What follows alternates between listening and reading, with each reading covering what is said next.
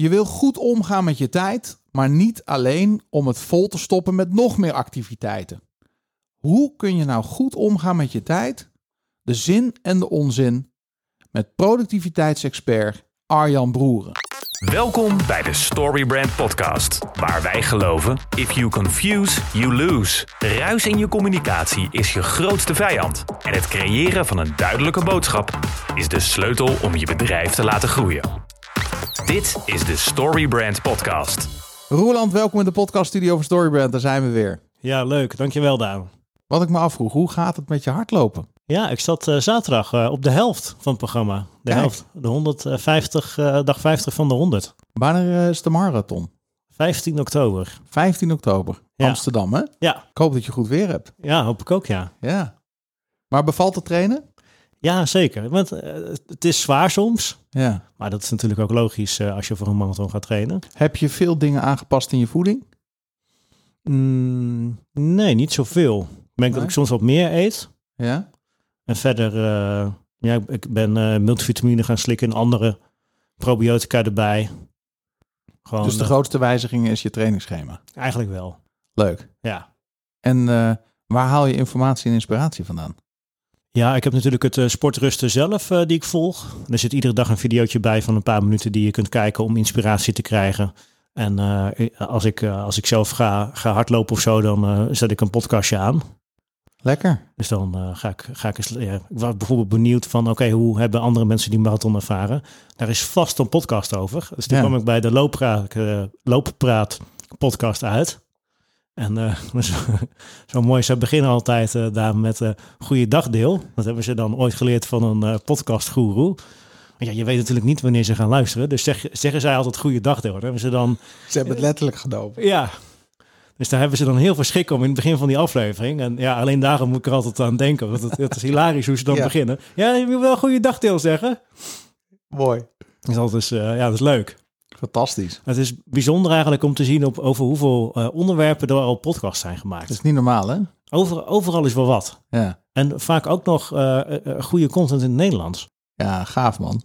Ja, wij proberen natuurlijk ook, wij hebben het ook nooit over de ochtend, middag of avond hier. Nee, nee we Dat vermijden, niet. wij vermijden dat altijd. Ja, ja. Ja, lachen man. ja.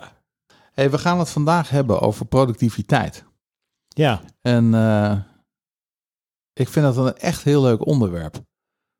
Omdat mijn eigen rij, het, het is echt een van mijn favoriete onderwerpen om studie naar te doen. Ja, Ehm, dat, dat vind ik leuk om nu eens een keer te kunnen bespreken met Arjen Broeren, die, die in mijn beleving in Nederland toch wel echt een van de vooraanstaande autoriteiten is op het gebied van productiviteit. We hebben Ad van de Hulst hier natuurlijk eh, regelmatig in de podcast, die je ook in die categorie hoort. ja. Ehm, en Ad kwam notabene met Arjan zo van, "Ja, die moet je eens vragen. Oh, serieus? Wat leuk, Ja. joh. Ja. En ik heb hem nooit ontmoet, maar wel gevolgd eh, online. Ja, En veel van hem gelezen en gezien door eh, het, bedrijf Meer Effect. ehm, wat ooit van eh, Taco Oosterkamp volgens mij op mijn hoofd was. ja. Die de Getting Things Done methode van David Allen naar Nederland heeft gehaald. Oh, kijk. Ja. En jarenlang heb ik die methode gevolgd. En toen ben ik van de kar afgevallen. Omdat ik het te rigide vond. En dat zal ook een van mijn vragen zijn aan hem. Hoe hij dat beleeft. Ja, hoe hij daarmee omgaat. Ja, Ja. Ja, dat doet mij denken aan eh, de aflevering die we hadden met eh, Glenn over eh, Stephen Covey. Dat hij inderdaad, daar had je ook zo'n soort vraag volgens mij. Dat hij zei van ja, maar soms is je dag anders of heb je met andere mensen te maken. En Ja. dan kun jij wel heel rigide in je vaste schemaatje gaan zitten, maar dan heeft dat geen zin. ja. Ah, leuk. Dan ben ik, dan ben ik echt, dat interessant, wil ik, ja, dat wil ik weten. En een van de dingen die eh, op mijn pad kwamen, eh, kwam de laatste maanden, zo af, afgelopen vier maanden, is de, het boek De 4000 Weken. De 4000. eh, ja, ken, ken, ken ik niet. Als je ongeveer 80 jaar neemt, heb je 4000 weken.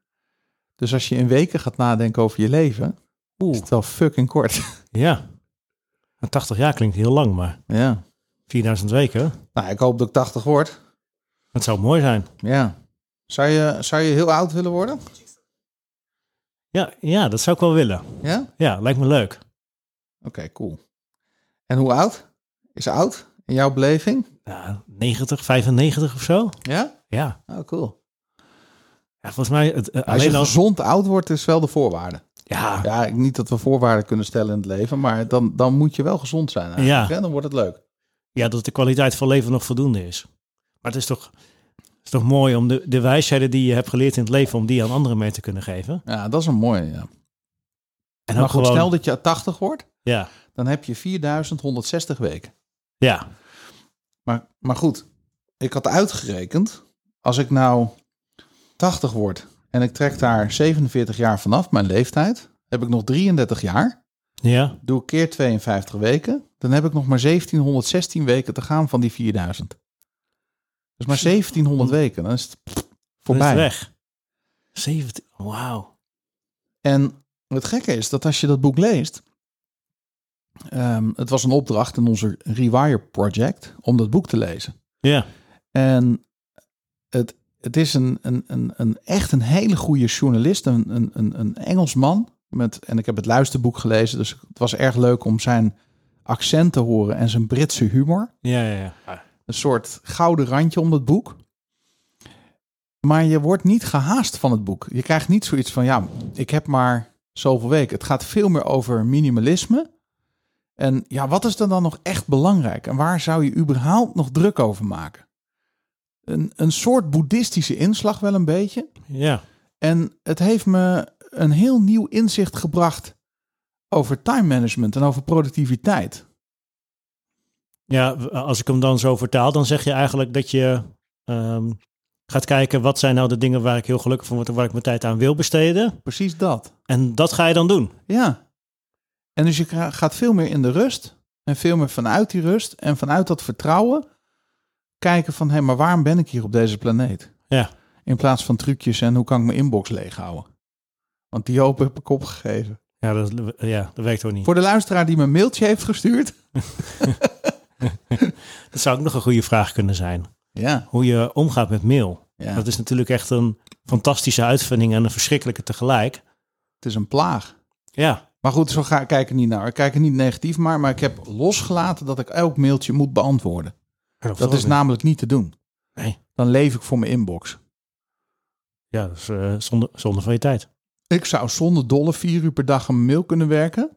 Als ik elk mailtje wil beantwoorden. Ja. Ga ik niet doen. Nee, waarom? Ik wou vragen of jij dat wilde doen. Ja hoor. Stel ik een paar regels in. ja, toch? Ja, Automatiseren die ja precies. Oh, heerlijk.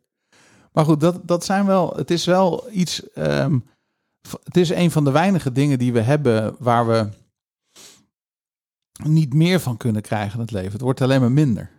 Ja. Ja, en naarmate je ouder wordt, worden ook denk ik hele andere dingen belangrijk. Ja, dus is het wel een belangrijk onderwerp. Ja, zeker. Nou, dus vandaar. Dus ehm, zullen we. Zullen we hem gewoon de oren van zijn kop vragen? Want ik, we hebben best wel wat vragen voorbereid. Ja, laten we dat doen. Alright. Arjen Broeren is gecertificeerd Master Trainer Getting Things Done en Streamline Certified bij Meer Effect. Hij coacht, schrijft artikelen en verzorgt trainingen en webinars over diverse aspecten van GTD, oftewel Getting Things Done. Hij schreef een aantal gestroomlijnde boeken over productiviteit, zoals De Kleine Ellen, Getting Things Done, samengevat, De Kleine Lifehacking voor Dummies, De Kleine Productiviteitstips voor Dummies en overleef je inbox in 60 minuten. Hier is Arjan Broeren. Arjan, hartelijk welkom in de podcaststudio van Storybrand. Nou, dank dat ik hier mag zijn. Ik vind het ontzettend leuk dat je hier bent, want ehm, ja, ik volg jou al best een eh, aantal jaren. Ik denk ongeveer dat dat begonnen is toen ik eh, Getting Things Done van David Allen leerde kennen in 2009. Toen was volgens mij ook het jaar waarin dat boek in het Nederlands verscheen. Via Meer Effect, waar jij ook trainer bent. En we gaan het hebben over een prachtig onderwerp. Ehm, ik noem het maar even productiviteit. Maar daar doe ik het eigenlijk ook misschien weer een beetje mee tekort. Want het is best ook wel, het raakt heel veel. Ja, dat is zo. En, en ik denk dat productiviteit een praktische ingang is, maar het raakt inderdaad ook wie je bent en hoe je werkt. Maar Ja. goed, breed, zeker. Ja. Ja. Productiviteit. Ehm, ik, ik zei in, in, in het gesprek wat wij ehm, hiervoor hadden, Mhm. al eventjes tegen jou van ja, misschien mag ik heel even schetsen hoe ik productiviteit als reis in mijn leven heb ervaren. Ja. En ik ben heel benieuwd om dat met jou te verkennen. Want eh, misschien herkent de luisteraar dat ook wel. Dat je start je carrière, je bent jong en je krijgt meer verantwoordelijkheid omdat je nou, ambitieus bent of dingen kan. En nou, voor je het weet ben je leidinggevende. Hè? En, Mhm. en heb je, of je hebt, je hebt meerdere dingen op je bordje liggen. Bij mij was dat in mijn eerste of tweede baan, dat ik echt dacht van, jongen, jongen, er komt aardig wat bij kijken om aan het einde van een dag niet te zeggen van, ik had eigenlijk nog deze stapel liggen. Ja.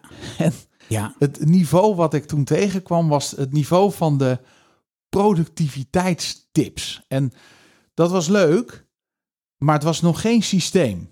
Ja. Hoe heb jij dat in jouw leven ervaren? Nee, eigenlijk het, hetzelfde. En ook de waarneming die, die ik nu natuurlijk zelf vanuit mijn plek wat scherper zie, is dat je er meestal pas naar gaat zoeken als je denkt, als het met je veel, of ik krijg het niet weg. Of, of het vage gevoel van, ik, als ik vandaag over mocht doen, zou ik een paar dingen anders doen, al weet ik niet eens precies wat. Nee. Terwijl eigenlijk zou je zeggen, als je nou begint aan werk, eh, hoe fijn zou het dan zijn als je die vaardigheden gewoon al had. En zoals een timmerman ook niet voor het eerst een, timmer, een hamer vast heeft op de bouwplaats. Ehm, zoals een piloot uren ervaring heeft voordat hij echt mag vliegen. Doen we als kenniswerkers meestal pas als het begint te wringen. Hmm. Dus dat, dat is de eerste waarneming. En de tweede is dat je inderdaad dan makkelijk als je wat zoekt op het niveau van tips komt. eh, open nooit je e-mail 's ochtends. Ja, ik werk met Azië. Ehm is toch handig als ik even aanhaken. Ehm, of, of dingen als zet alle notificaties uit. Ja, maar ik moet de ziekmeldingen doen en de roosterwijzigingen. Ehm, dus het is niet dat het onzin is, verre van. Maar de kans dat het net de tip is die jij moet horen is heel klein. Dus het woord systeem is, is denk ik waar we naar zoeken. Ja. Ja. Vervolgens ehm, ehm, eh, kwam ik erachter dat time management tips, die waren niet bevredigend. Het gaf mij niet, ehm, ja, weet je, een, een lijstje maken om, om, om aan het begin van de dag en dat soort dingen leuk.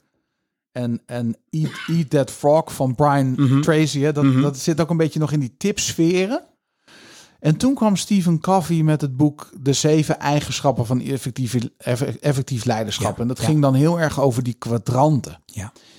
En daar kreeg ik een haat-liefde verhouding mee. Maar in het begin liefde, hè, want dan heb je, heb je, krijg je dat inzicht van... oh ja, inderdaad man, Ja. voor je het weet zit ik de hele dag urgente dingen te doen.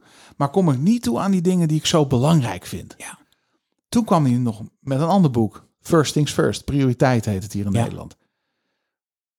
Echt inzoomend op dat time management-achtige stuk.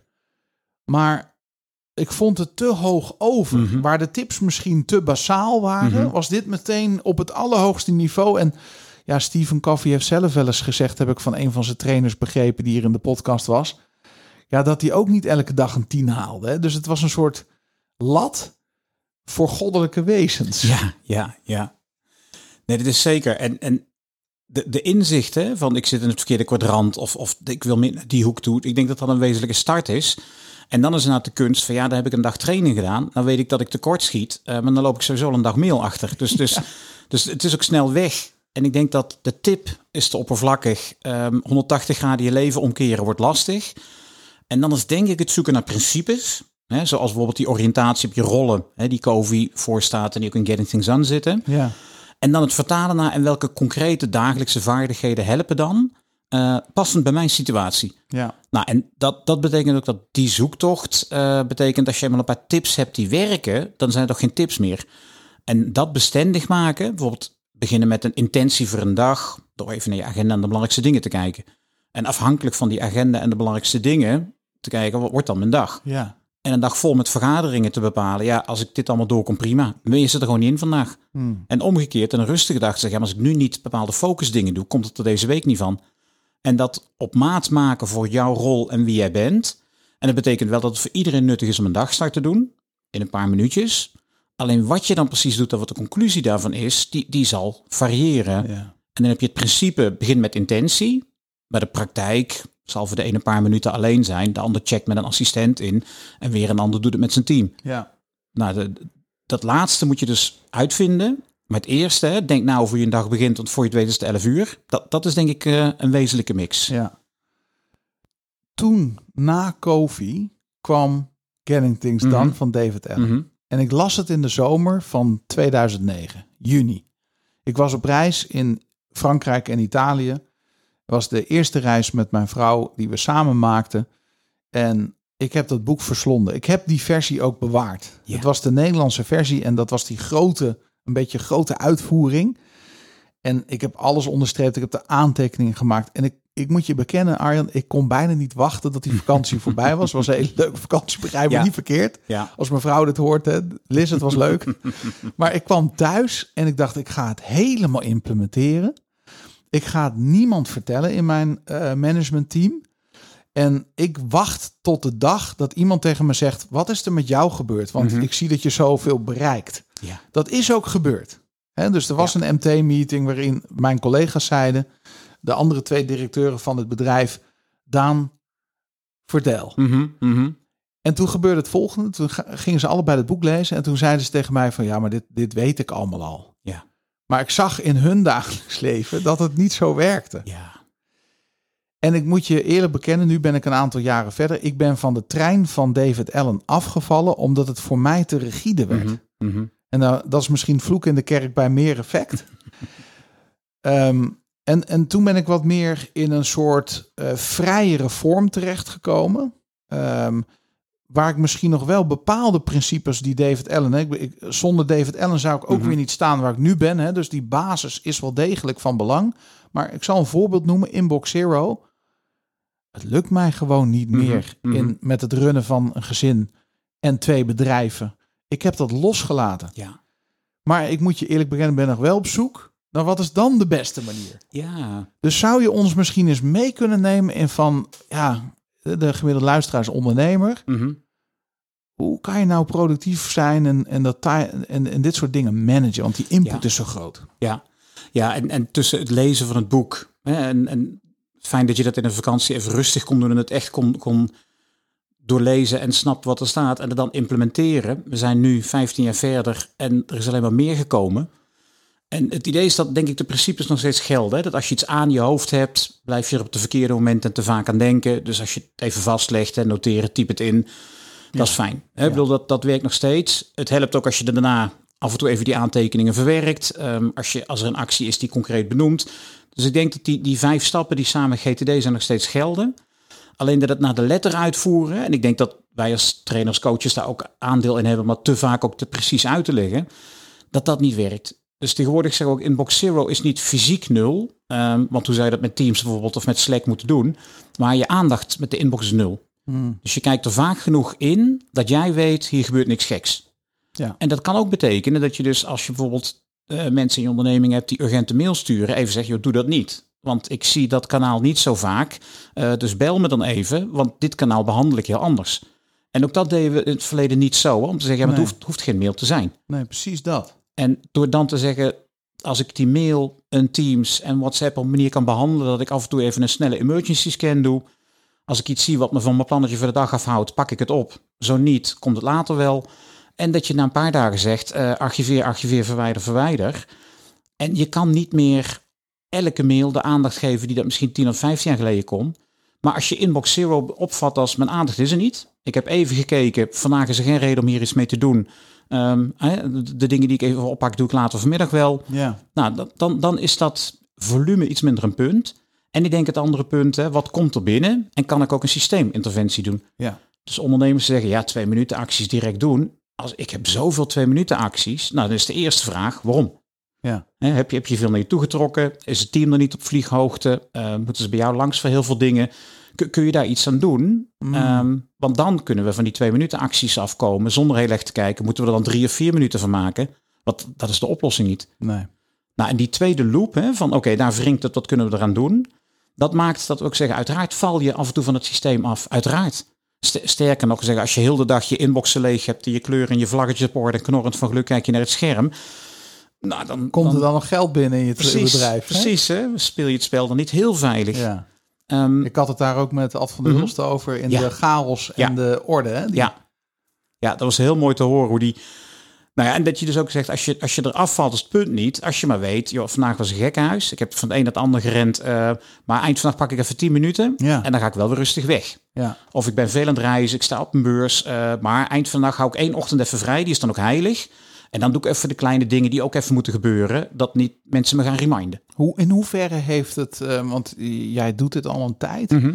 In hoeverre, Arjan, heeft het ehm, zie je ook nog eens een keer een verschuiving door dat we minder zijn gaan werken. Hè. Er zijn bedrijven die Ja. hebben de vier eh, dagen werkweek Ja. omarmd. Ja. Er zijn eh, tegenwoordig eh, lange verloffen voor, voor mannen die vader Zeker. worden. Zeker.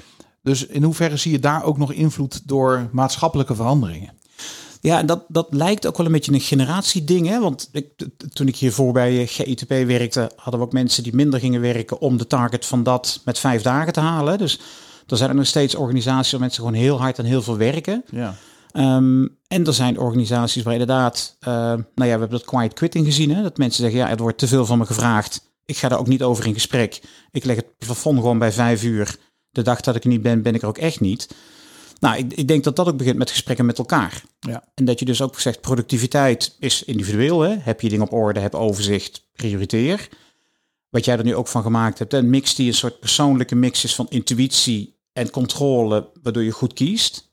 En door dat in je team te bespreken, kun je ook zeggen van nou ja, de werktijden zullen verschillen. Maar we moeten wel even weten dat we asynchroon kunnen werken. Ja. Eh, dat ik bijvoorbeeld kan zien, is iets gebeurd en jou er niet voor hoeft te storen. Ja. En het wat meer naar team en naar communicatie gaan in plaats van in je eentje dingen wegwerken. Ik denk dat dat ook een belangrijke verschuiving is, die ook met de komst van Microsoft 365, waar je in documenten samenwerkt, waar je in Teams-kanalen communiceert in plaats van één op één mail. Dat maakt het belangrijker om elkaars aanwezigheid en bereikbaarheid, om het begrip een paar van altijd te lenen, Ja. om dat te weten. Ja, mooi. Ehm, als jij kijkt, eh, je hebt een boek geschreven, I Am Tao. Ja, ja. Ehm, leg even uit aan de luisteraar waarom je voor die titel hebt gekozen. Wat, wat is Tao? Ja, het idee ervan is dat elke letter staat voor, voor een stap die je kan helpen om communicatie preciezer te maken.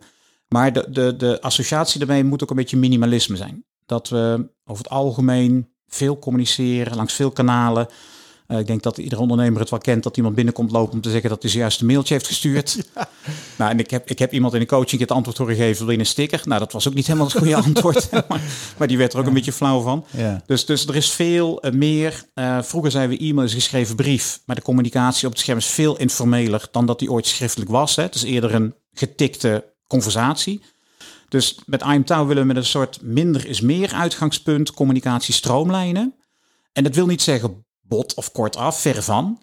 Nou, ik hoef je niet te vertellen dat een goed verhaal veel meer impact heeft dan een klein berichtje Ja. maar wel gerichter. En IMTOW, elke letter staat ervoor om je communicatie wat gerichter en gestroomlijnder te maken. Met als aanname minder is meer. En één goed verhaal is meer waard dan een rondje cv's oplepelen bij een introductieronde. Heerlijk. Nou, dat, dat is het idee. En dan is de, de, de stroomlijn van je communicatie in vijf stappen is de subtitel. Ja. Ehm, jij werkt de hele dag in allerlei type organisaties. Eh, dat zijn profit, non-profit, eh, overheid, en, eh, groot, klein. Met allerlei type mensen. Met, je noemde het net al zo mooi kenniswerkers. Ja. Zou je ons eens kunnen delen wat nu na al die jaren jouw visie is? Wat kun jij de luisteraar meegeven waar je zegt van... hé, hey, hier loop jij waarschijnlijk tegenaan. En kijk er eens op deze manier naar. Of Ja. doe eens deze stappen. Ja. Om gewoon het leven en het werk leuker, makkelijker, eh, productiever te maken. Ja. ja, ik denk dat het ermee begint om te zien dat kenniswerk een vak is. Ja, En dat voor elk vak heb je een ambacht met best practices. Heb je mensen die wat nieuwer zijn, mensen die daar meester in zijn. En door er zo naar te kijken, kun je ook zeggen van ja, wat, wat, ik heb nou een digitaal communicatiekanaal erbij. Ik ken het niet.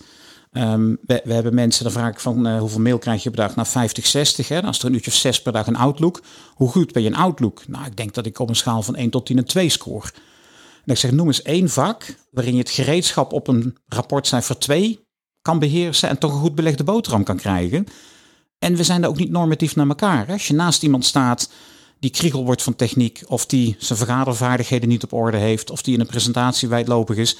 Het is nog steeds heel gevoelig om te zeggen, wacht even, dit, dit is niet handig voor jou, maar ook niet voor ons. nee. Terwijl als je naast een metselaar, en nou ja, ik zeg altijd, als je, als je in de, op de operatietafel zou liggen en de narcose treedt in, je hoort de chirurg zeggen, wat liggen er toch weer grappige dingen allemaal. Ja, Nou, ik denk dat het angst een beetje uitbreekt. Hè? toch? Maar dat gebeurt ook niet, want iedereen weet daar precies wat daar ligt. Dus ik denk dat de eerste stap is door het als een vak te zien. Door het gereedschap dat je gebruikt ook echt als gereedschap te willen zien. En als je stress van e-mail hebt, dan heb je stress van een gereedschap. Dat, dat is niet de bedoeling. Nou, en door het als vak te zien kun je ook zeggen, nou, wat zijn dingen die mij van nature goed afgaan? Sommige mensen hebben een hele goede neus voor prioriteren. Sommige mensen zijn heel compact, zijn heel geri- doelgericht in hun vragen stellen. En anderen zijn daar weer wat minder handig in. Nou, Mm. zie het als een vak. Ja. Kijk welke vaardigheden jij nodig hebt. Ja. En als je daar voortdurend in investeert, nou, dat loont direct. Daar is geen, geen sprake van dat als je niet beter in die onderdelen zou zijn, dat je niet inderdaad, zoals je zegt, leuker en fijner en prettiger werkt. En als het een keer spannend wordt, de schouders eronder, een stap terug en kijken waar sta ik nu.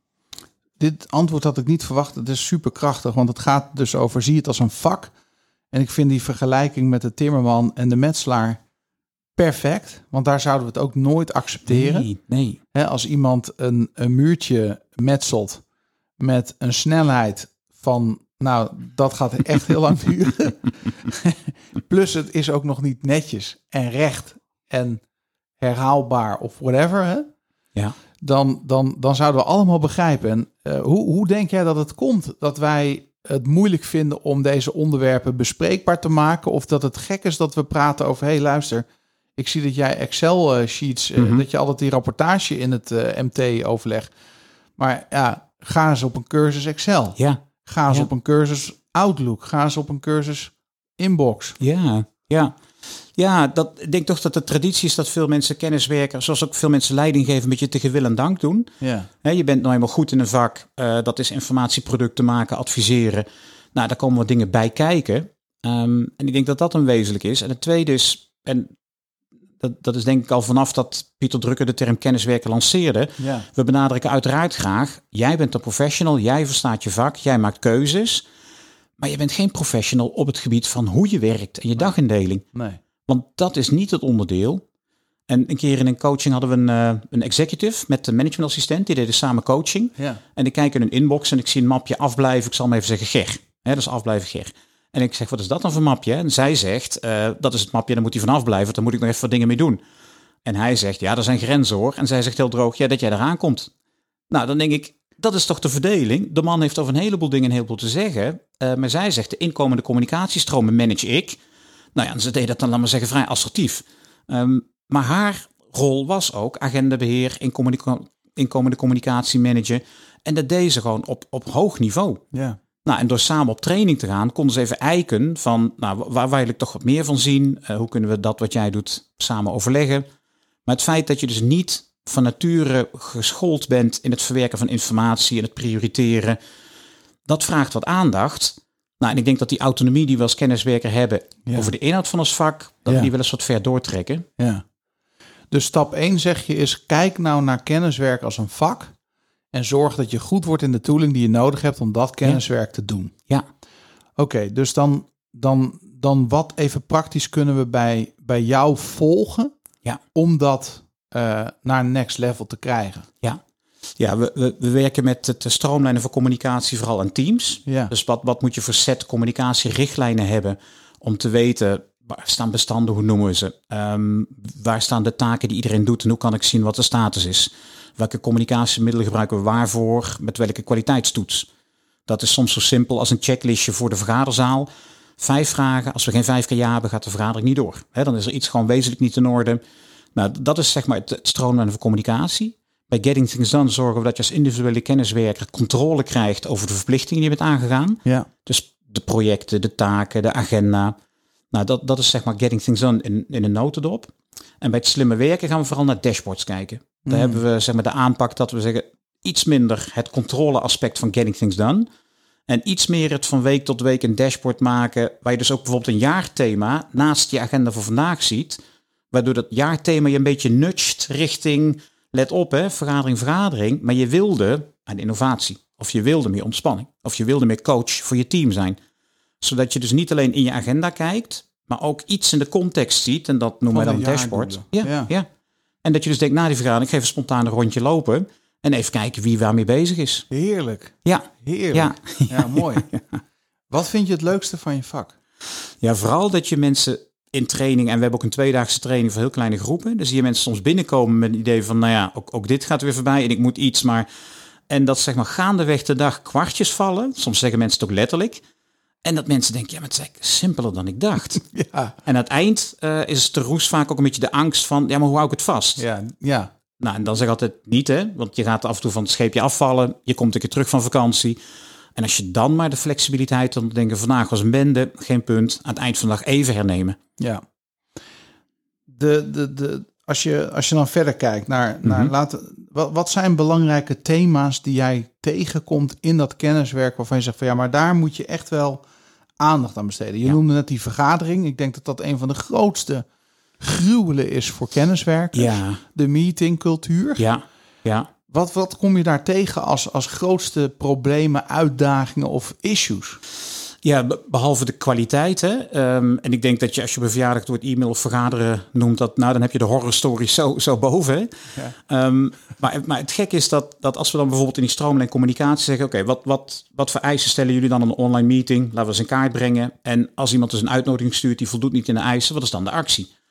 Als dan mensen zeggen, ja, dat is de ideale wereld en dan gaat er geen vergadering meer door. Dan is het denk ik de onmacht die daarin zit, waardoor je denkt, ja, maar dat kan je toch gewoon adresseren? Ja. Dus een groot deel van het werk is niet alleen het adresseren van dit kan beter, maar ook bespreken van die frictie die erachter vandaan komt. Dat is ook niet zo'n punt. Nee. Als je tegen iemand zegt, joh, je wil morgen een vergadering doen, de documenten komen vanmiddag vanavond binnen.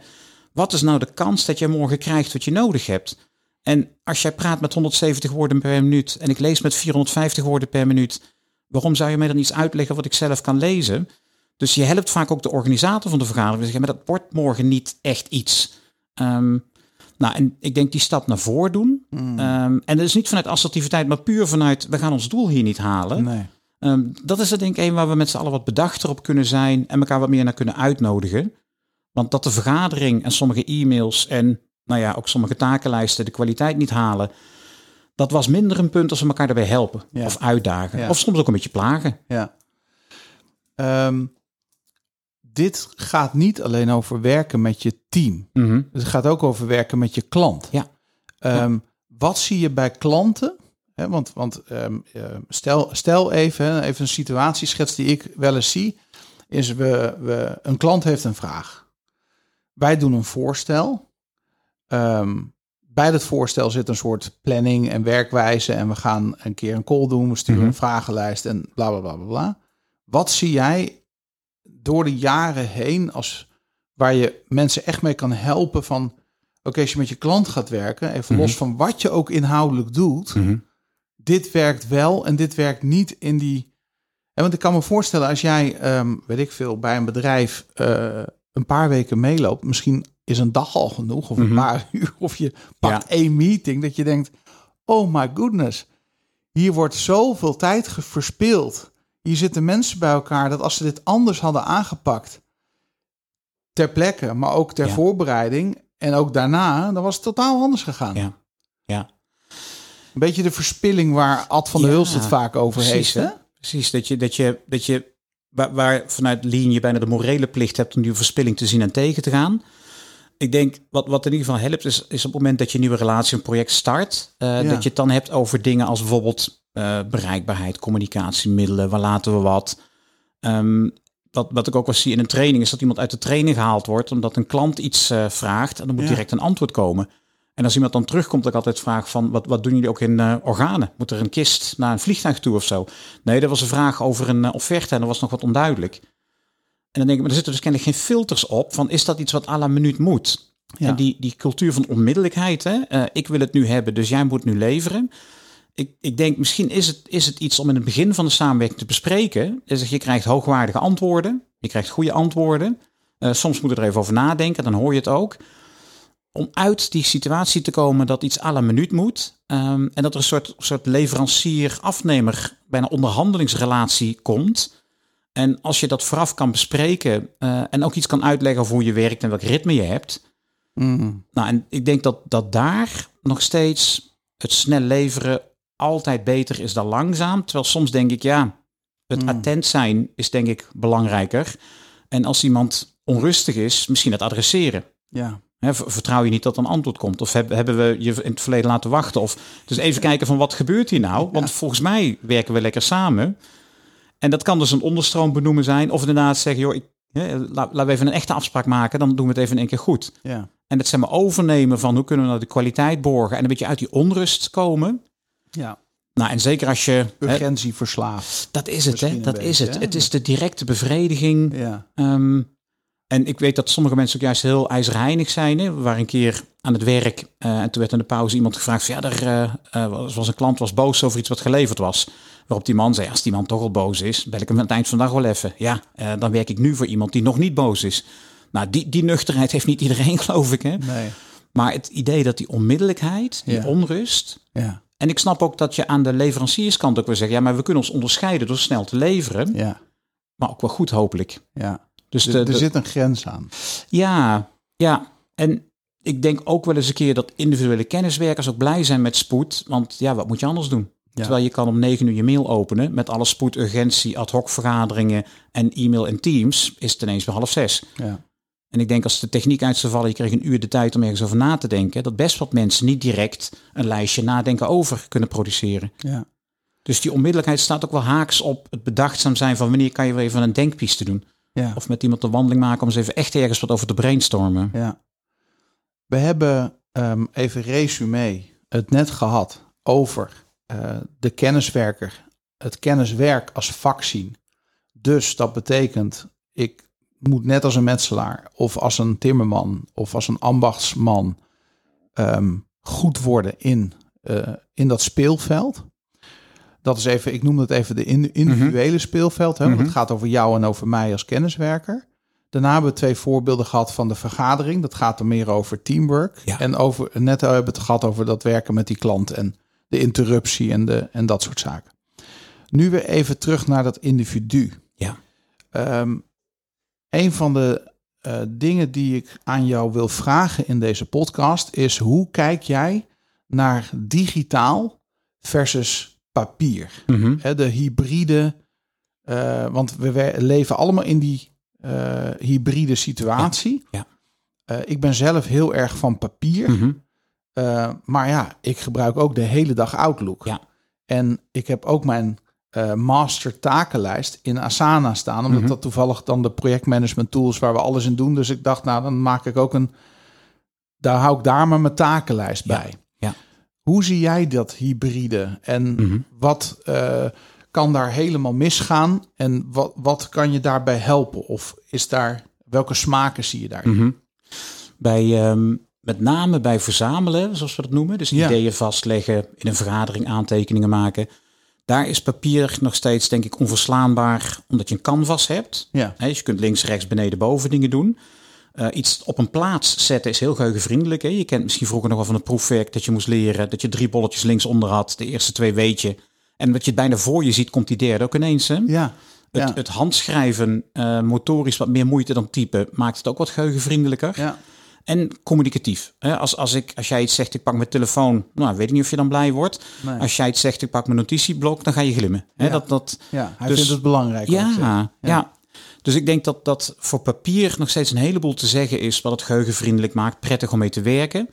Zeker als je ook een beetje eer stelt in het type notitieboek, het formaat. Nou, er zijn hele forums volgetikt over of je puntjes of lijntjes of harde kaft, zachte kaft. Ja. Dus dat is ook een hele, hele wereld aan prachtige dingen. Ja, En als je daarmee werkt, krijg je gewoon als je het openklapt zin om ideeën te krijgen.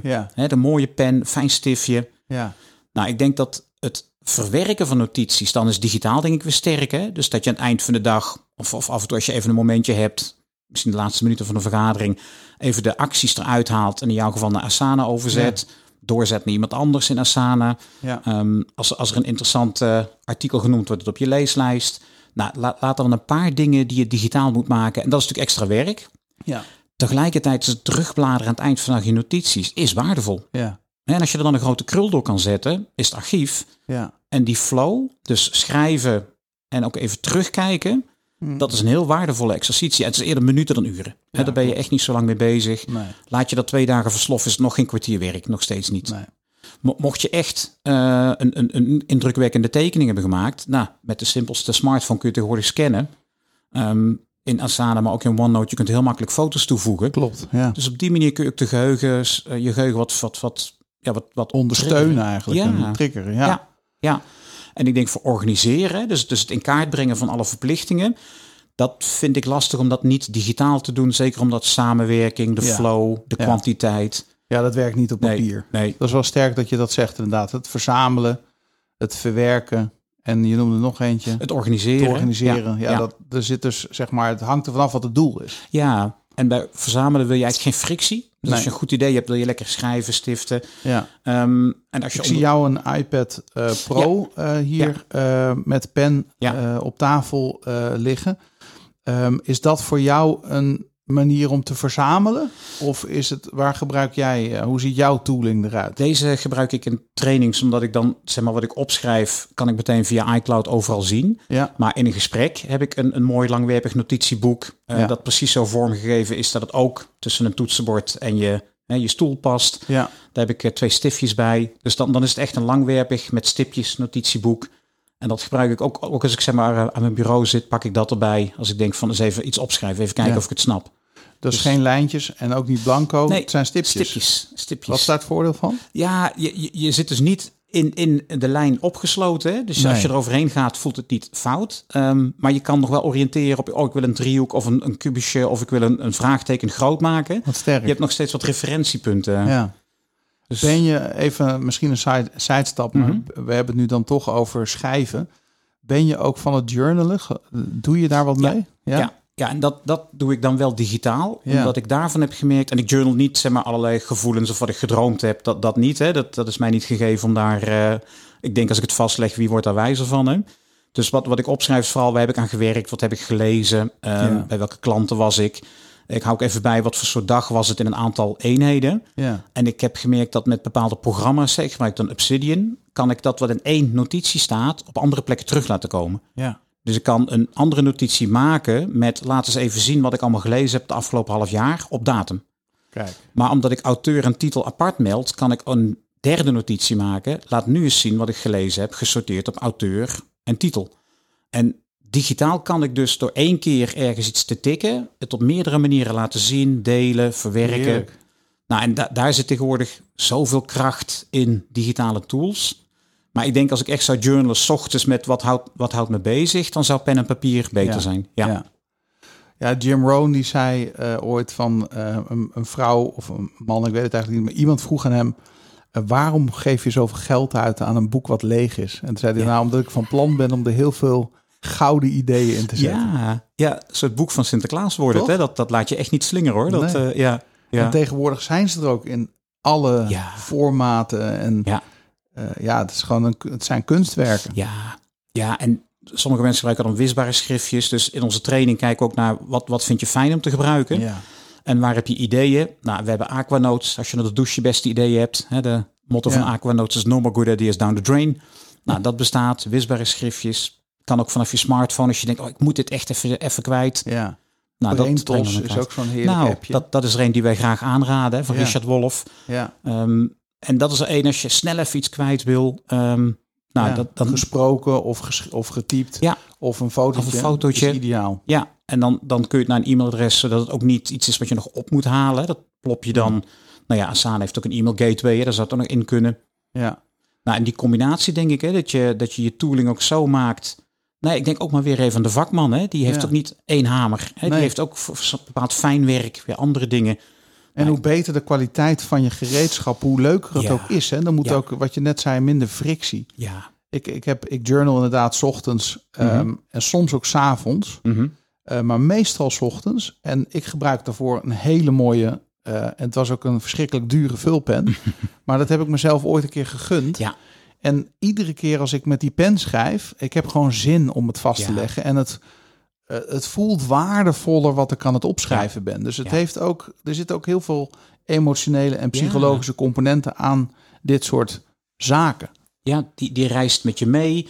Ehm, het, het, het, op een gegeven moment het ook echt, ja, zo- zoals als je, hè, nu is het EK hockey aan de gang, als je dan die, die sporters met, met een stick en een bal in een ruimte dingen ziet doen, denk ik, ik zag het gebeuren, maar volgens mij kan het natuurkundig niet eens.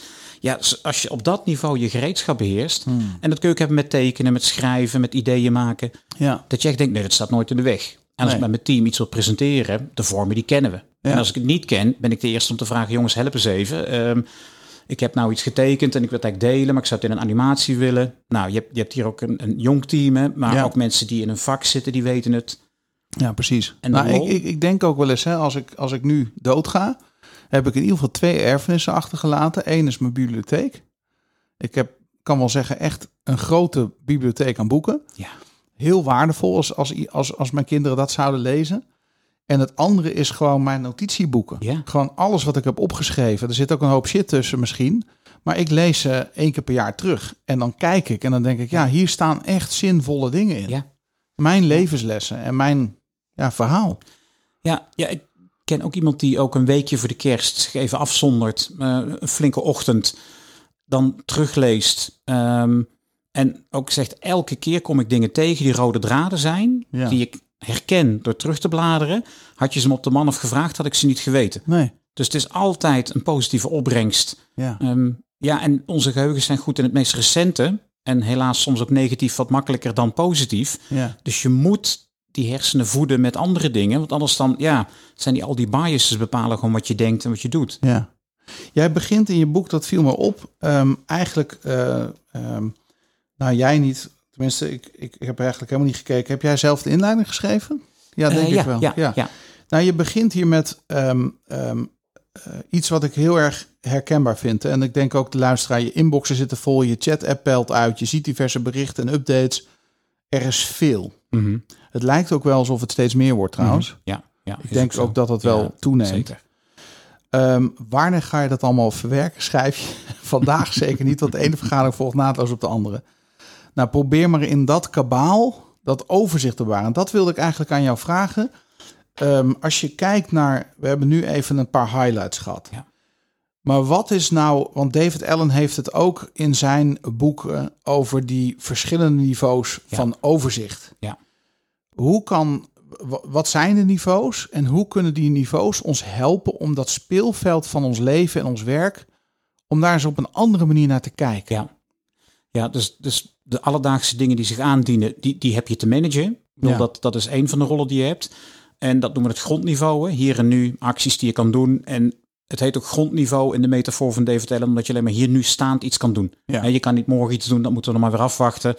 Ehm, dus hier Ja. en nu. Ja. Alleen het helpt als je eh, ergens een richting uit beweegt, dat je horizonnen hebt en dat je op die horizonnen kan koersen. En de eerste, meest dichtstbijzijnde horizon, dat noemen we horizon 1, zijn de projecten. Ja. Dus als je een lijst hebt met alle projecten waar je commitment aan hebt en tenminste één keer per week die goed doorkijkt en bepaalt lopen alle projecten, welke kosten me te veel tijd, welke willen maar niet van de grond komen, waarom niet, dan heb je één keer per week al een reflectie op een wat middellange termijn niveau, Ja. waar je zeg maar de week, maand doelen bepaalt. Ja. Daarboven zitten de rol- en verantwoordelijkheidsgebieden. Je, je opereert in verschillende hoedanigheden. Dus welke houd je goed op stand, welke niet. Is financiën op orde naar het niveau dat je het in orde wil houden. Innovatie, coaching, leiderschap, je netwerkpositie, bestuurderrol. Dat kun je ook in privé doortrekken. En daarvoor zeggen, als je dat uiterlijk één keer per maand doorneemt, kun je nog zeggen, nou, in die rol vind ik dat ik meer kan doen de komende maand. Daarboven zitten de doelen. Dat is iets klassieker. Hè? Dus één à twee jaar doelen. Budgetten, begrotingen, jaarplannen, afdelingsplannen. Eén keer per maand uiterlijk. Ehm, en dan hebben we daarboven visie, waarde, levensdoel. Dus dat is dan horizon 4 en 5. Eh, visie is jouw beeld van succes drie, vier jaar weg. Dus als wij elkaar over drie, vier jaar spreken, hoe ziet een dag eruit? Hoe leef je dan? Hoe rijd je dan? Mobiliteit, familie, vrienden, vrije tijd, je financiële positie. Wat, wat is werk dan? Ehm, nou, daar maak je een projectie van. En die projectie moet vooral heel visueel en aantrekkelijk zijn. En Hmm. elk doel, dat is dan weer horizon 3 eronder, helpt dan een stukje van die visie waar te maken. Ja. En waarde levensdoel, nou ja, dat is wat het zegt. De ultieme intentie, jouw signatuur, dat wat onderhandelbaar, niet onderhandelbaar bij jou hoort. Ja. En die bovenste twee, dus ook zo'n vier en vijf zeggen, was alles gewoon crescendo loopt eh, twee keer per jaar. En dat is vaak de zomerbreak en het nieuwe jaar. zijn vrij logische momenten. Ja. Sterk. Nou, en die reflectie betekent dat je dan perspectief kan toevoegen. Ja. En als je bijvoorbeeld die inbox opent en je denkt, oh, ik wil hem alleen maar weer dichtmaken. Nou, als je hem dan een keer daarna opent, is hij nog voller, dus ik zou het niet doen. Hè? Nee. Eh, als je hem dan openmaakt, zou je kunnen zeggen, wat me in ieder geval helpt, is niet dingen doen die ik niet aan een project of een rol kan koppelen. Ja, precies. Zo verleidelijk als het is om alles en iedereen te helpen. eh, en dan moet je misschien een goede standaard tekst vinden die dat heel diplomatiek en beminnelijk uitlegt. Ja. Nou, en zo gaan die horizonnen proberen te helpen. Als je één, twee weken vooruit kijkt, zit, ach, mijn agenda loopt al vol. Maar ik had net gezien dat een project achterblijft, of een bepaalde rol. ik moet wat gaan blokken, maar dan is het niet blokken om het blokken. Het is blokken om aan dat project of in die rol te werken. Ja, Dus dat motiveert je ook wat vaker om dat dan ook gestand te doen, dat blok. mooi. Nou, en zo proberen we die horizonnen, dus perspectief, met het alledaagse te combineren. Zodat op termijn je agenda een weerspiegeling is van die horizonnen en vice versa. Ja, mooi. Ja, dit zijn mooie, mooie. Dat, dat is het fijne van dat perspectief. Hè? Dat Mhm. het op een andere manier een invalshoek geeft om na te denken over je leven en je werk. Ja. Ehm, als je werk je ook één op één met ondernemers, Mhm. zit je wel, ja? Ja, ja. Wat zijn daar de dynamieken die je tegenkomt? Hè, Want de gemiddelde luisteraar is eh, voor een groot gedeelte ondernemer. Mhm. Wat heb je als tips voor ondernemers als het gaat over ja, hun productiviteit?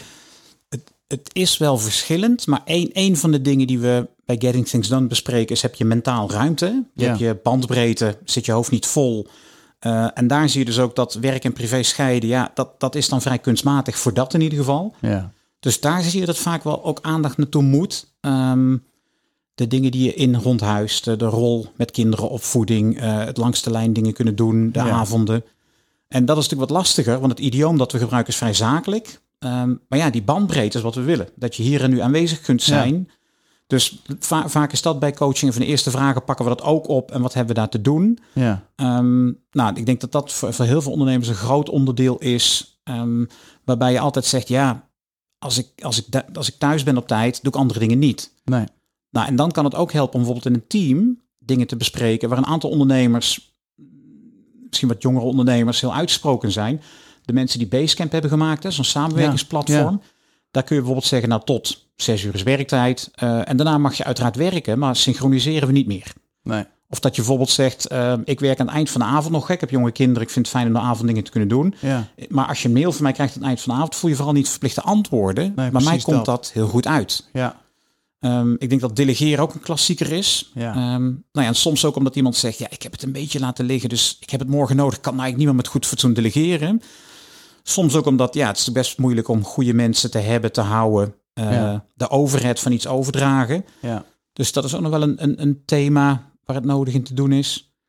Ehm, nou, en soms ook wel de aversie tegen er is zoveel. Hè? Ja. Dus, dus eh, ik wil best een wekelijks onderhoud doen, maar als ik die takenlijst open, ik word daar niet blij van. Hmm. En ja, dan hebben wij het slechte nieuws ja, maar dan kan je er beter maar doorheen, toch? Dan, dan kunnen we beter kijken wat we daar kunnen doen. ja, Dus ik denk dat het vrij divers is, maar dat met name rond delegeren, met name rond hoeveelheid. Hè? Je bent Ja. ook altijd ergens niet. Ja. Ehm, en zeg maar die werk privé en het woord balans vind ik niet zo belangrijk, maar wel hoe dat zich in je hoofd verhoudt. Hè? ja, dat. Da- daar, zitten, daar zitten echt grote thema's, ja. ja. Dat is wel een mooi dat je dat noemt, want dat is voor mijzelf ook wel heel erg verschoven. Mhm. Waar ik vroeger heel spastisch deed over werk, privé en gescheiden houden, ja, ben ik holistischer gaan denken. ja. En zie ik eigenlijk, ja, maar zo werkt mijn brein ook helemaal niet. Nee, nee. Ik kan er niks aan doen dat als ik, als ik thuis ben, Ja, dat ik net even dat briljante idee krijg. Ja. En dat ga ik niet bewaren in mijn hoofd, want dan weet ik zeker dat ik het kwijt ben morgen. Nee, nee, ik zeg altijd het slechte nieuws is dat je niet kwijt bent, maar er nog vaker aan gaat denken en elke keer op het verkeerde moment. Hè? Dus dat is een loop waar je dan... Ja. Nee, en als je het dan even opschrijft of even parkeert eh, Ja. en je leest natuurlijk ook de krant anders eh, of je leest de social media anders. Dus je ziet dingen omdat jouw filter is, hé, maar hier kan ik wat mee. Of hey, waarom ken ik die persoon nog Ja. niet? Dus dan is het heel... Ja, Ja, dat is interessant, hè? Want ehm, werk-privé-balans. Ehm, er is een boek geschreven, The One Thing, door die Mhm. Gary Keller, Mhm. die, die vastgoedman. en dat was voor mij ook zo'n openbaring van ja, maar work-life balance is geen horizontale lijn Mhm. met links of boven, laat ik het zo zeggen, boven privé, onder zakelijk. ja, Eh, maar het is, het is meer van, hey, deze week ben ik misschien wel de hele week in het buitenland. ja. Ja, één ding is zeker, ik lees mijn kindjes niet voor eh, en ik breng ze niet naar bed en Ja. ik ben waarschijnlijk niet bij de hockey. Dus eh, deze week is de balans meer naar zakelijk, ja. eh, maar ik kan wel facetimen. Ja, ja, en die week komt hij uit de lucht vallen. Dus als, als, ze, als ze gewoon alleen maar nieuwsgierig zijn naar waar ga je naartoe en wanneer ben je terug, eh, dat is ook anders dan, Ja. oh, die was al twee dagen niet.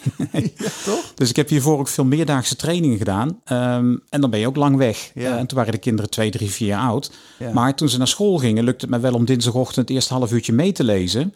Want ja, die autonomie hebben veel mensen hun agenda. En ik had Ja. die gelukkig ook. Ja. Dus ik was dan om negen uur op het schoolplein klaar. Maar dan had ik wel een half uurtje bij die kleintjes gezeten en meegelezen. Ja. Nou, soms was ik moer dan de hele dag trainen. Maar Klopt. dus, dus voor, voor mij en iedereen moet het natuurlijk zelf weten, werkt vooral heel erg sterk die balans. Eh, niet in kwantitatieve zin, maar kwalitatief. Eh, heb ik zelf het idee dat ik er ben.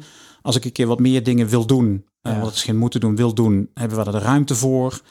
En ook dan helpt het als wij het op orde hebben. Dat we niet zeggen, oh ik ben trouwens weg, en wie doet de hond en de kinderen. Ja. Maar dat je gewoon zegt, oh volgende week komt er een drukke week aan. De week daarna is ook wel druk. We hebben dat allemaal een beetje gedekt. Ehm, nou, en dat, dat is denk ik het voordeel van in controle zijn. Als er een verrassing komt, absorbeer je hem wendbaarder dan wanneer er voortdurend stress, voortdurend veel is. Dan is het minste is veel. Ja. Dus als je gewoon achterloopt, niet zo goed weet waar je morgen moet zijn, weet dat er nog van alles in je inbox zit. Als er dan ook nog een verrassing komt, Mm. ja, dat, dat treft meteen midscheeps. ja. Hoe kijk jij filosofisch naar tijd?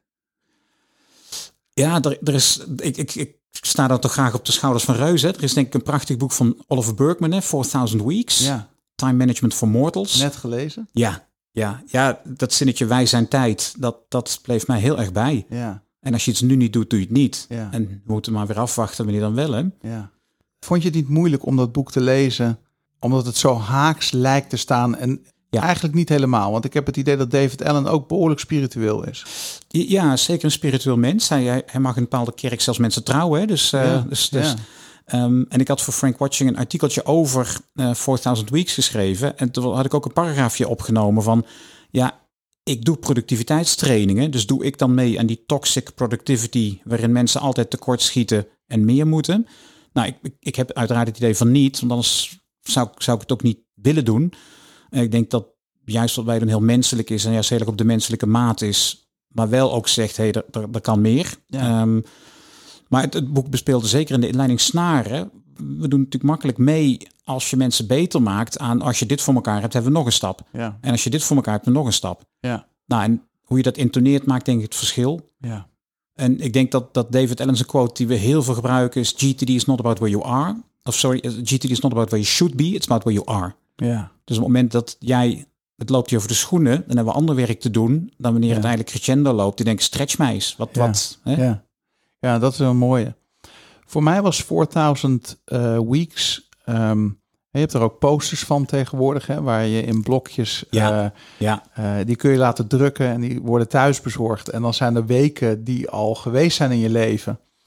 Ehm, eh, die zijn al, hebben al een kleurtje gekregen. En ik vond hem, ik vond, ik heb, ik had hem besteld. Ik had hem opgehangen op mijn kantoor thuis. Ik heb hem weer weggehaald. Ja. Ik vond het zo confronterend. Het bracht mij niet de energie waar ik naar op zoek was. ja, En, we- ehm, dat is wel een paar jaar geleden al. Een jaar of twee, denk ik. ja. Inmiddels zou ik er misschien al anders naar kijken nu ik dat boek heb gelezen. Want die mortality, die gedachte van hè, gedenk te sterven, Mhm. ehm, ja, als die heel dichtbij je is, is het wel heel zuiverend in hoe wil ik nu eigenlijk met jou hier zijn. Ja, ja ik vond ze maar na de initiële schok eh, van 4000 weken. En ik gok dat ik met mijn levensstijl misschien toch een tikje onder het gemiddelde ga raken. ehm, vond ik confronterend. Totdat ik verder las en ook denk, ja, maar het is eigenlijk eerder een aansporing om te zeggen van ja, wat, wat je dan nu niet doet, doe je niet. Nee. En als je elke vrijdag in het wekelijks onderhoud zegt, ja, dit is wel een belangrijk project, maar niet aan toegekomen. Dan vind ik dat wel een aansporing om te zeggen, ja, maar volgende week is net zo druk. Ja. Ja, het lijkt nu niet zo druk, maar die wordt net zo druk. ja, dus wat zegt dat over mijn tijd? Ik moet, ik moet dus gewoon dingen gaan doen. Ja. En ik moet die frictie die mijn keuzes gaan veroorzaken en het gesprek met anderen erover aangaan. En ik gok dat het vaak meevalt. Als je Ja. in je team ook zegt, joh, mijn, mijn antwoordsnelheid gaat naar beneden. Ja. Ik ga meer bij jullie terugleggen. Ehm, ik wil gewoon op die, die tijden ongestoord aan dingen kunnen werken. En als balans ben ik er als ik er ben ook echt. Hè? Ja. En ik denk dat dat appel, ehm, Hmm. nou ja, dat, dat zijn met dat stoïcijnse van het is, het is hè, we, we zijn maar even hier, dus, dus zorg dat het telt Ja. dat dat wel voorkomt dat in ieder geval de excuses van, maar na deze, hè, na het event of na die piek, of als de begroting de deur uit is, Ja. of als ik een nieuwe marketingman heb niet. aangenomen, die ik zei, nee, dit is niet, want dan is er wat anders. Ja, Nee, eens.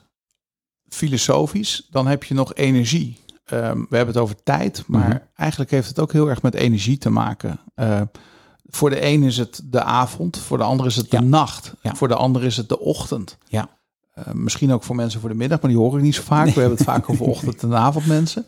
Hoe kijk jij naar energie en management Mhm. van dat ten opzichte van ook of in verhouding met tijd.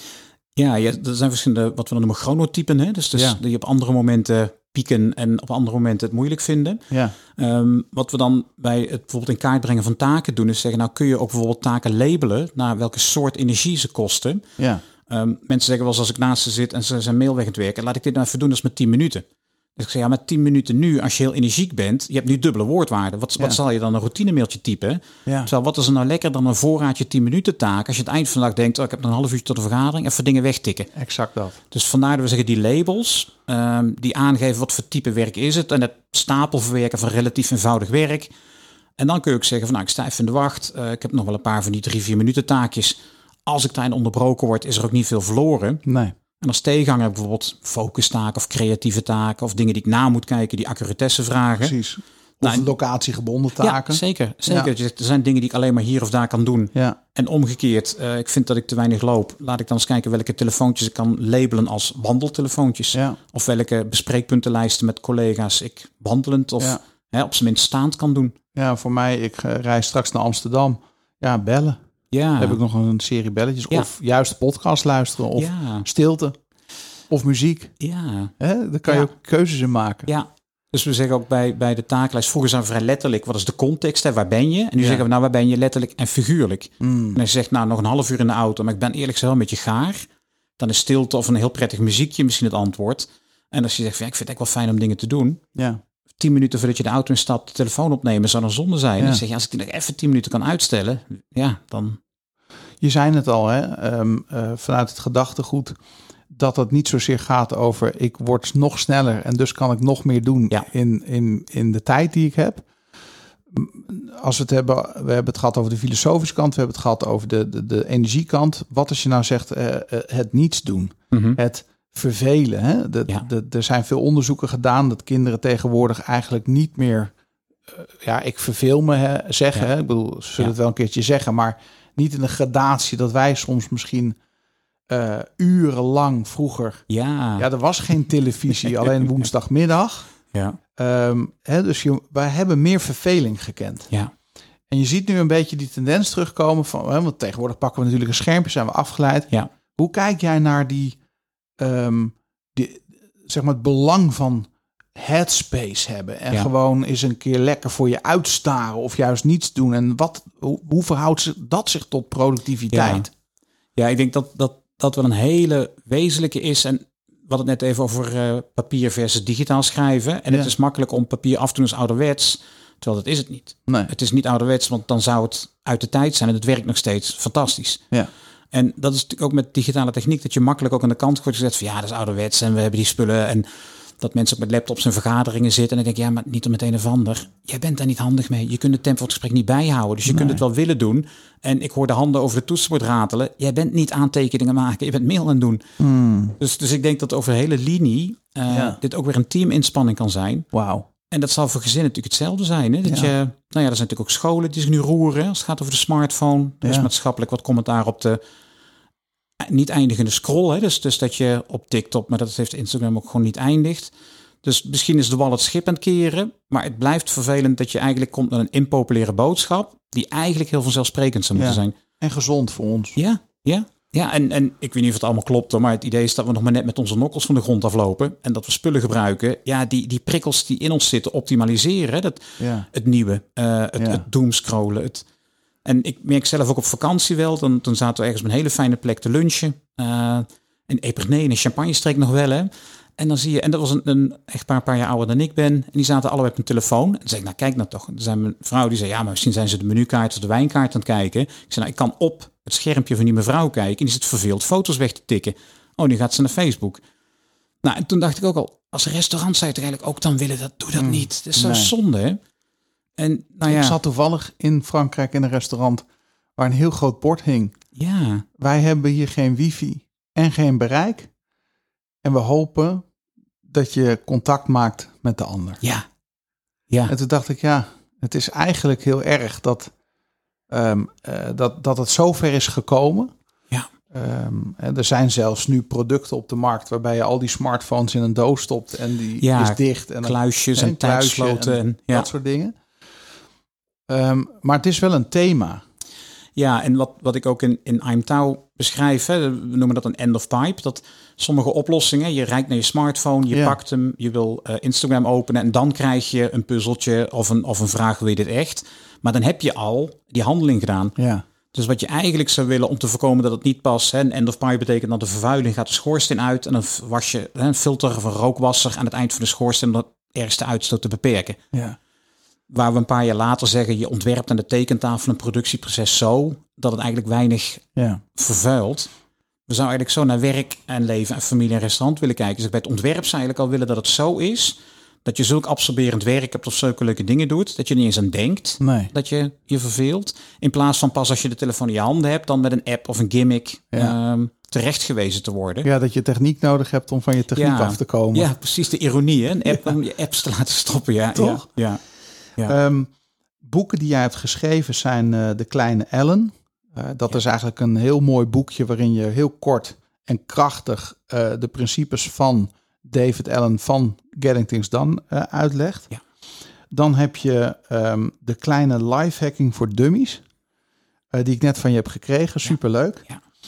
Wat mij opvalt aan Dummies is dat het... ehm, vroeger dacht ik, oh Dummies, wat een domme boekjes. Mhm. Maar het zijn vaak de beste mensen die die dummies schrijven. En er zit zoveel waarde en kennis in. Ja. Het is echt een mooie bibliotheek. Ja, en de redactie is streng, hè? Dus, dus ik kreeg Ja. een keer een drukproef terug. Toen stond er gewoon in de kantlijn saai, waar blijft de tip? Dus, dus, dus auteur moet je het ook in het format doen. Elke pagina één tip, op elke pagina twee icoontjes. Dus hè, ik denk Gaaf. dat die serie zich wel, eh, dat die wel uitblinkt in Ja. hoge praktische netto-waarde. Nou, we zetten ze allemaal in de show notes. Ehm, je hebt ook de, de, de kleine productiviteitstip voor dummies. En je hebt ook nog eens overleef je inbox in 60 Ja, minuten. ja, En dan deze. Ja, Touw. ja. Wat is het volgende boek wat Arjan gaat schrijven? Nou, dat- normaal is het eigenlijk om het jaar, om de twee jaar raak. Maar Ja. ik heb nu net ook een project met Martijn Aslander en Mark Meijnema afge... Ja. eh, dat eh, heet Ons Werken Stuk. Ja, En dat gaat eigenlijk vooral over dat we kenniswerk onvoldoende serieus nemen. En eigenlijk roept dat nog genoeg op en doet dat nog van alles. I'm Hmm. Tau is ook nog steeds, hè, onze trainingen daarbij worden nog steeds veel gebruikt. Dus er is eigenlijk geen vacuüm nu. Ehm, dus, Nee. Maar het kan goed dat ik op de weg terug ineens denk, ja, dit wordt het. Hè. Dus, eh, ons werken stuk is toch ook een platform waar je lid van kan worden? ja, dus digitaal fit. Dus Ja. digitale fitheid is het platform. Ehm, en ons werk is stuk is eigenlijk met meer de pamflet daaronder.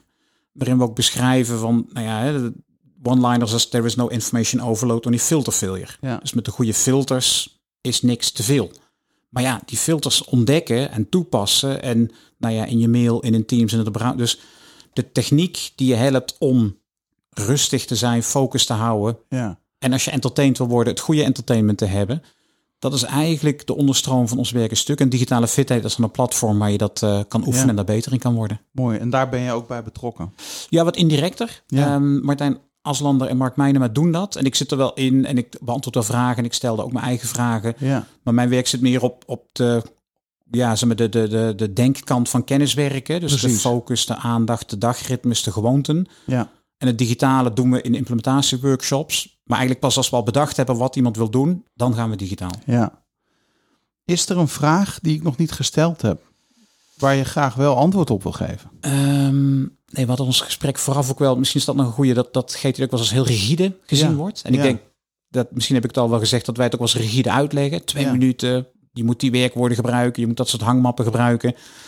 En ik denk dat dat de vragen die je stelde wat toe leiden. Dus het zijn principes Ja. en praktijk en vooral maatwerk. Ja. En dat het in die driehoek een wereld aan winst te halen is. Mooi. Ik heb twee laatste vragen voor jou persoonlijk. Als alle billboards in Nederland een dag van Arjan zijn, wat zou jij erop zetten? Wat wil je heel graag delen? Ja. En Ben je een beetje een, een, een evangelist die af en toe denkt van, oh, dit zou ik eigenlijk van de Ja. daken willen schreeuwen? Ja, nee, hou op, schijt. ik, ik denk dat, dat wat ik wel een hele belangrijke vind, is maakdingen. Ja. Dus, dus, en of het nou kenniswerkproduct of fysieke dingen, of het is zo bevredigend om iets te maken, Ja, geschreven te hebben, een videootje. 100 Ehm, procent. ja, dus Ja. Ik, ik denk maak dingen en iedereen kan dingen maken. Ja, een Dus, eh, oproep aan mensen om hun creativiteit Ja. te vertalen naar iets waar we allemaal wat aan hebben. Ja, Mooi. ja. Ehm, de laatste vraag die ik al mijn eh, gasten eh, graag stel is: welk boek moeten we allemaal lezen? Ja, hij, hij is Sowieso genoemd. jouw boek, hè? Ja, nou, nou, graag, Dus graag. eh, ben je luisteraar, luister je naar de podcast. Ga even naar de show notes. Daar staan alle linkjes, zodat je in contact kunt komen met Arjan. Ehm, zodat je... ehm, heb je een website? Ja, meereffect.nl Meereffect.nl. is denk ik het handigste Ja. Done. En als ze met jou in contact willen komen, LinkedIn? Eh, LinkedIn sowieso. En, Ja. en ook eh, mail kan, eh, LinkedIn kan. Ik Ja. reageer snel. Dus Wat is je mailadres? arjan.meereffect.nl. Ja, en Arjan met twee keer een A. Ja, ja. Ehm, mooi. Welk boek moeten we allemaal lezen, Arjan? Hij, hij is al genoemd, maar ik zou toch 4000 weken Ja. aanbevelen. Ehm, dan blijven we een beetje in de productiviteit. Ehm, het is denk ik filosofisch genoeg. Het heeft Brit, nou ja, je hebt het Ja. gelezen. Britse humor zit erin. Heerlijk, hè? En er zit ook wel praktisch aan het eind tips in. Ja. Dus eh, wees strategisch lui. Hè? Dus doe sommige dingen bewust op een minder niveau. Om andere dingen op het goede niveau te doen. Ja. Ik heb hem als luisterboek geluisterd. Oh, ik ja. vond het heerlijk om die Engelse humor ook nog met dat Engelse Ja. accent te horen. Ja, ja. Maar eh, je kunt hem natuurlijk ook gewoon in het Nederlands kopen Ja. tegenwoordig. Ja. Eh, hij is vertaald. Ik weet even niet wie de uitgever is en ja. de vertaler. Volgens mij maar... Maven. ja. Oké. Ja. Ja, mooi dat je die als aanrader. Ik, ik ben zelf ehm, ehm, bijna boeddhistisch geworden ja, vanuit dat gedachtegoed. Ik vond, ik vond daar echt dingen in zitten waar ik dacht, wauw. ja. Dat is een, echt een mooie kijk op het leven. Ja, ja en hij, put, en daar is hij ook heel duidelijk in, uit, uit diepe bronnen. Eh, Ja. en en hij, hij, hij noemt ook filosofisch en ook boeddhistische tradities. Dus Ja. als je, als je denkt, hey, dit, dit vind ik leuk, maar het klinkt wat praktisch. eh, nou, ik denk dat hij genoeg aanknopingspunten nog heeft om dan weer verder te lezen in de hoeken die je zelf interessant vindt. Prachtig. Heel Ja. mooi. Ja. Ontzettend bedankt voor je komst. En echt heel waardevol en een leuk gesprek. Nou, dank. Dank voor je vragen. Dank. Ja, tot een volgende keer. Graag. Roeland, dat was het interview met Arjan. Ja, lekker zeg Daan. Boeiend onderwerp, toch? Ja, waar we het over de, bij de intro ook al over hadden. Dit blijft een mooi onderwerp. Ja. En we hebben het leuk kunnen eh, beredeneren, filosoferen. We hebben het van heel veel verschillende kanten bekeken. Hoe je samenwerkt met je klant, met je collega's, eh, hoe je je eigen tijd bewaakt, eh, work-life balance, eh, noem maar op. Echt een mooi onderwerp. Ja, het is echt ja, we- weer e- een van de schitterende afleveringen wat mij betreft, Daan. Ja. En misschien in tegenstelling tot onze introductie van deze podcast, waar we het meer hadden over de filosofie en hoeveel tijd je eigenlijk maar hebt in het leven. Als ik met hem praat, heb ik toch ook zin om weer eens een keer een training te volgen met het team over hoe werken we nou samen. En, en dus in die praktische dingen zit ook heel veel heilzaamheid, vind ik. Dat heb ik bij, bij Ad van der Hulst ook altijd. Ja. Ja, dat, eh, eigenlijk zijn het gewoon van die onderwerpen die je een, één keer per jaar of één keer in de twee jaar terug moeten komen. En die Ja. je dan weer helemaal opnieuw kunnen inspireren en aanzetten tot eh, van alles en nog wat. Ja, net als dat je bijvoorbeeld een typecursus doet of een Word-cursus voor beginners of gevorderden of Excel voor beginners en gevorderden. En dat je dan denkt, ja, ik heb hier nu een dag aan besteed, maar het heeft me weer heel veel gebracht, waardoor ik nog met meer plezier mijn werk doe. Ja, En dat vind ik wel het mooiste van Arjan, dat hij eigenlijk zegt, je bent kenniswerker. En een kenniswerker, die wordt maar vanuit gegaan dat hij weet hoe die moet werken. Maar hij heeft wel een vak geleerd, als architect of als marketeer of wat dan ook. Maar niemand heeft ooit geleerd hoe hij zijn werk moet doen. doen. Ja. En dat vind ik ook wel Ja, echt zo mooi, hè? ja, dat is geniaal. Ja, nou, super gaaf. Ik vond het weer een heerlijke podcast. En eh, volgende week weer een nieuwe. En dat wordt een hele interessante ook weer. Want we hebben ook weer een hele mooie gast die al eerder is geweest. Ja, Dus volgende week zeker luisteren. Want dan hebben we de podcast met Ray Klaasens, bekend van Kamp van Koningsbrugge. daar gaan jullie het hebben over. Onder andere seizoen 3, wat net is afgerond. Ja, Maar ik ga het met name met hem hebben over zijn leven. En hoe hij naar dingen kijkt. En ja, hoe hij daarmee omgaat. ja. Dus veel meer over Ray zelf. Ben benieuwd. Met als sleutelwoord groeipijn. Groeipijn. Oké. Mooie podcast. Ja. Nu al zin in. Ik zeg tot volgende week. ja, tot volgende week.